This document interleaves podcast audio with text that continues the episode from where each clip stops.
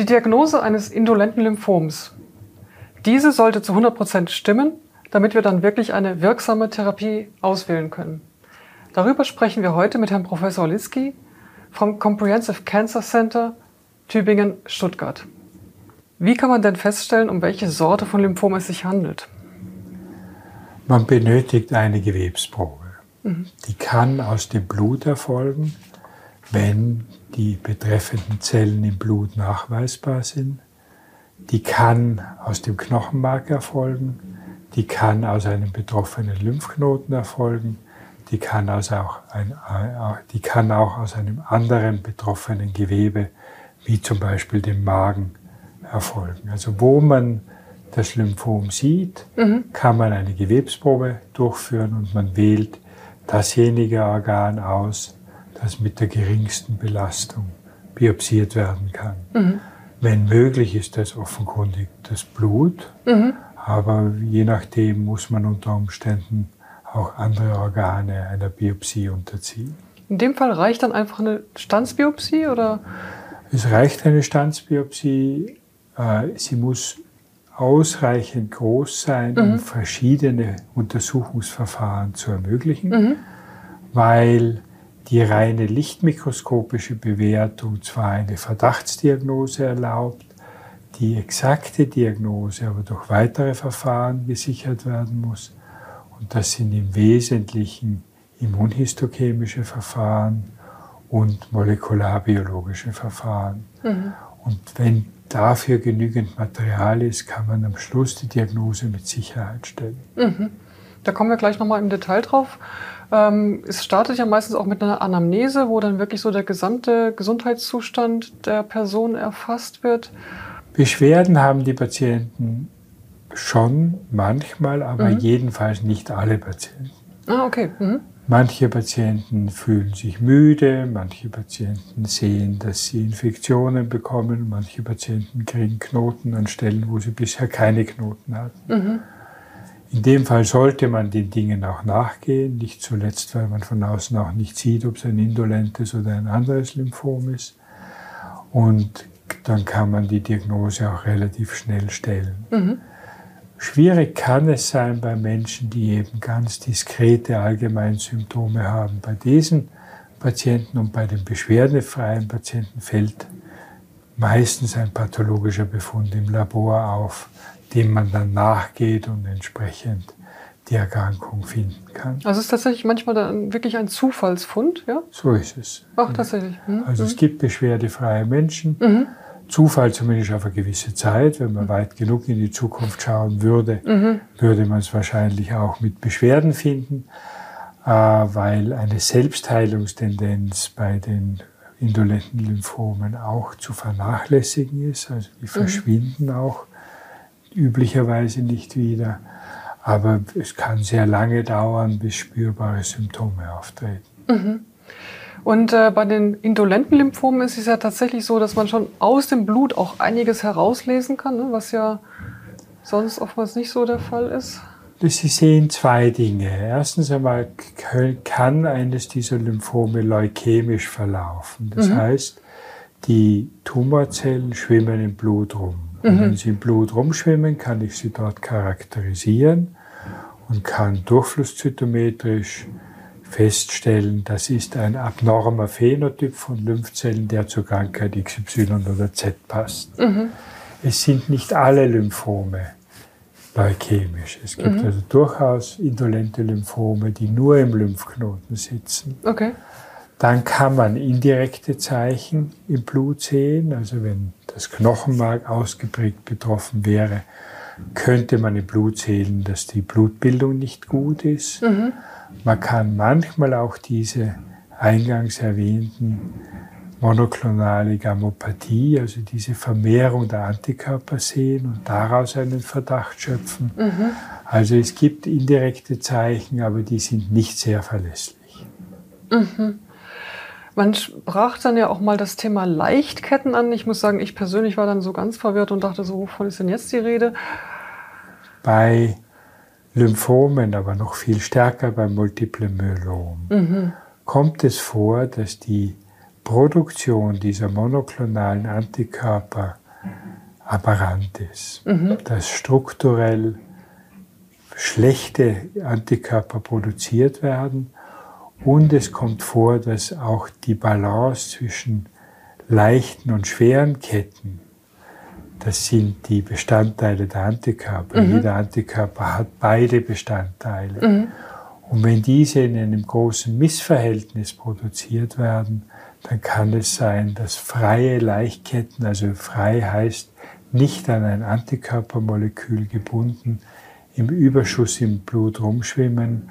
Und das ist meistens schon ein Zeichen dafür, dass irgendwas da fundamental nicht in Ordnung ist. Also ich sage jetzt mal mit meinen Worten, dass quasi von dem von dem Antikörper ein Ärmchen abgebrochen ist und dann immer da rumfliegt. Und, so ist. Okay. Mhm. Ja, oder viel, abgebrochen ist jetzt nicht ganz richtig. Es kann einfach sein, dass von der schweren Kette so viel produziert wird und von der leichten Kette so viel. Viel mehr, okay. Und dann finden die einfach nicht zueinander. Ach so, okay. Es ist einfach das Wachstum nicht so reguliert, wie es sein soll. Okay. Mhm. Ja. Mhm. Und das heißt, und das kann man eben auch in dem Blut sehen und dann weiß man, aha, ja. das ist das. Ähm das ist ein Befund, den man beim multiplen Myelom regelmäßig sieht, aber bei den indolenten Lymphomen sehen kann. Mhm. Jetzt hatten Sie es schon kurz angesprochen. Knochenmarkpunktion, wird das dann ganz regelmäßig gemacht oder eben auch nur dann, wenn man im Blut einen Hinweis hat, dass das notwendig ah, ja. würde? Also man macht es dann, wenn man es braucht. Mhm. Ja. Das heißt, man benötigt es zum Beispiel unbedingt bei den seltenen Fällen, wo indolente Lymphome auf eine Stelle beschränkt sind. Mhm. Weil diese Form der Lymphome kann man bestrahlen, mhm. aber das macht natürlich nur dann Sinn, wenn es nicht an anderen Stellen sitzt. Okay. Da ist es essentiell. Ansonsten ist das Knochenmark immer auch wichtig, wenn das Knochenmark nicht gut funktioniert, dass es dann überprüft wird. Wenn diese Dinge nicht vorliegen und ich aus dem peripheren Blut eine klare Diagnose habe, ist es unter Umständen zu vernachlässigen. Mhm. Okay. Und Bildgebung äh, nutzt man dann in erster Linie, um zu schauen, wo im Körper Lymphome. Suchen Lymphknoten, große Milz und große Leber mhm. in der mhm. Bildgebung. Und daher macht man bildgebende Verfahren, die den ganzen Körper mhm. untersuchen, um hier eine präzise Vorstellung zu bekommen. Mhm. Und wenn wir jetzt umgekehrt jetzt wieder sagen, wir haben jetzt von der Biopsie, haben wir dann eben die Zellen, die wir anschauen wollen, dann schaut man sich dann eben einmal morphologisch die Zellen dann von außen an, ne? wie die, dass man da schon mal was. Also am Beginn steht immer eine lichtmikroskopische Beurteilung. So ganz klassisch, ne? Ja, da färbt man das mit zwei Farbstoffen. Mhm. Und dann werden die Kerne blau und der Rest der Zelle wird weniger blau. Mhm. Und dann kann man Form, Verteilung im Gewebe und diese Dinge mhm. untersuchen. Und daraus ergibt sich schon eine relativ klare Verdachtsdiagnose. Mhm. Und dann bestimmt man wieder die Oberflächenmoleküle mhm. und kann damit verschiedene Reifungsstufen dieser Lymphzellen unterscheiden. Und damit kann man schon sehr präzise einordnen. Mhm. Und dann kann es noch notwendig werden, dass man die Gene der Zelle untersucht, ja. ob irgendwelche spezifischen Chromosomenveränderungen vorliegen. Mhm. Dass wir da dann wieder sehen, ob da Dinge abgebrochen sind, verdoppelt sind, verschoben so sind und so Mutationen, weiter. Ja. eins fehlt. Mhm. Ja. Wenn das alles gelaufen ist, dann kommt man ja eben dann zu einer finalen Diagnose, was denn da jetzt für eine Krankheit ist. Das heißt, da haben wir wieder unsere Liste von den diversesten Krankheiten, die in Frage kommen. Ähm, ein weiterer Schritt ist dann ja die sogenannte Klassifikation.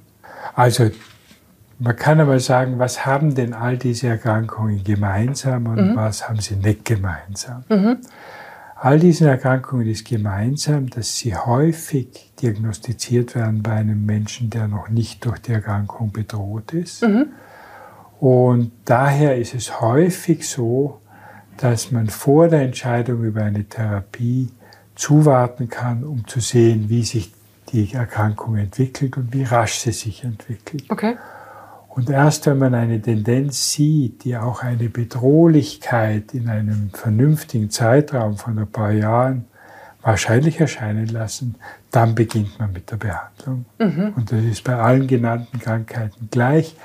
außer bei diesem antibiotikaempfindlichen Marginalzonen des Magens, Okay. weil es keinen Grund gibt, den Helicobacter länger drin zu lassen, weil er auch sonst Probleme macht. Daher würde man die Marginalzonenlymphome des Magens sofort behandeln. Andere Marginalzonenlymphome, wo man so eine effektive Therapie nicht hat, würde man ebenfalls beobachten. Verstehe ich das jetzt richtig, dass Sie sagen, das Staging ist jetzt gar nicht so relevant bei diesen Krankheiten? Oder, oder? Es gibt zwei Staging-Varianten, die man da verwendet. Eine ist das sogenannte Ernaba-Stadium. Ja. Das spielt eine Rolle für die Bestrahlbarkeit. Also nur Einzelstadien nach Ernaba können bestrahlt werden. Bei allen anderen ist zusätzlich, vor allem bei der CLL, sind Stadieneinteilungen nach Binet äh, üblich und die bewerten nicht so sehr die Verteilung. Eine CLL verteilt sich logischerweise überall. Überall? Ja. Mhm. Die bewerten das Ausmaß des Knochenmarkschadens und die Größe der Knoten. Und damit in beiden Fällen hat man Parameter, die mit den Zukunftsaussichten ein bisschen korrelieren. Aber das soll man als Patient nie missverstehen, weil äh, die Unterschiede zwischen dem Besten und dem Schlechtesten jeder Gruppe sind größer als die Unterschiede zwischen den Gruppen. Daher sind diese Stadieneinteilungen für uns wichtig, um eine Orientierung zu haben. Sie sagen aber dem Patienten nicht voraus, wie seine Zukunft ist. Ja, ich glaube, das ist nochmal ganz wichtig. Ja. Ja. Vielen herzlichen Dank, Herr Professor Linsky, für die Übersicht der Diagnose der indolenten Lymphome. Und als nächstes sprechen wir dann über die Therapien. Ach ja, bitte geben Sie uns Feedback zu dieser Episode unten in den Kommentaren. Wir möchten unsere Angebote immer besser machen. Wenn Sie also konkrete Fragen haben und Sie bestimmte Themen besonders interessieren, lassen Sie es uns unter dem Video oder per Mail wissen. Und übrigens, abonnieren Sie unseren Kanal, dann verpassen Sie keine weitere Folge.